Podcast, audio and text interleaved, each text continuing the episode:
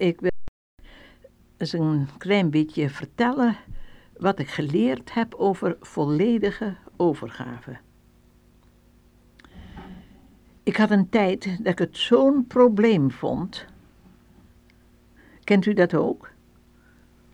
Ik begreep eenvoudig niet wat het was en hoe het moest.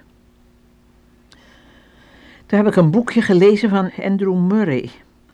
En dat heeft me erg geholpen. Het was een boekje waarin hij schreef over verschillende dingen, maar ook een paar hoofdstukjes over de volledige overgave.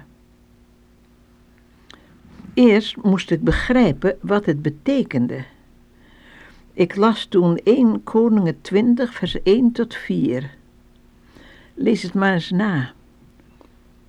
Ben-Hadad, de koning van Syrië, die komt met een leger van zowat 32 geallieerde landen op naar uh, Samaria, de Israëlitische hoofdstad.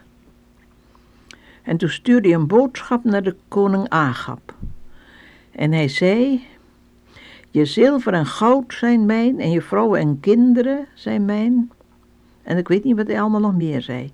En Agab antwoordde: Al wat ik bezit is het uwe. Nou, dat was nou volledige overgave. Ik heb wel een beetje ervaring daarvan. Toen ik jaren geleden een gevangene was van Adolf Hitler en zijn volgelingen, moest ik me tegen mijn wil volkomen overgeven.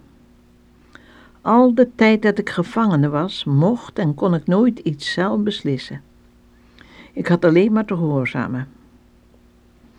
Agap zei Benadad, mijn heer, mijn koning, ik hoor nu van je met alles wat ik heb. Dat was de totale overgave. En nu hebben wij met iemand anders te doen. Met God, die liefde is. Hij is geen dictator. Hij is een liefhebbende vader. Er is geen eind aan wat hij wil doen voor ons.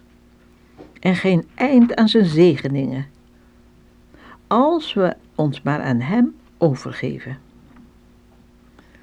Ik las een verhaal van een kleine jongen die met zijn vader over een lange brug moest gaan. Een brug zonder leuningen. Het jochie zei: Papa, ik ben zo bang. Kijk eens naar die hoge golven onder ons. En de vader zei: Geef mij maar een hand en dan kan er niets gebeuren.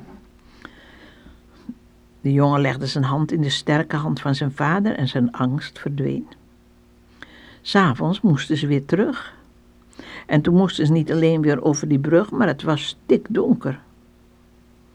Papa, nou ben ik weer bang. Oh, hoort u dat water onder ons? Het is zo donker. Je kunt die golf onder ons horen. Toen nam die vader zijn jongetje in zijn armen en droeg hem naar de overkant. En het kereltje viel in slaap en werd pas wakker de volgende morgen in zijn bedje. Kijk, dat is nou een andere overgave dan Agap en Ben-Hadad, dan Adolf Hitler en mij.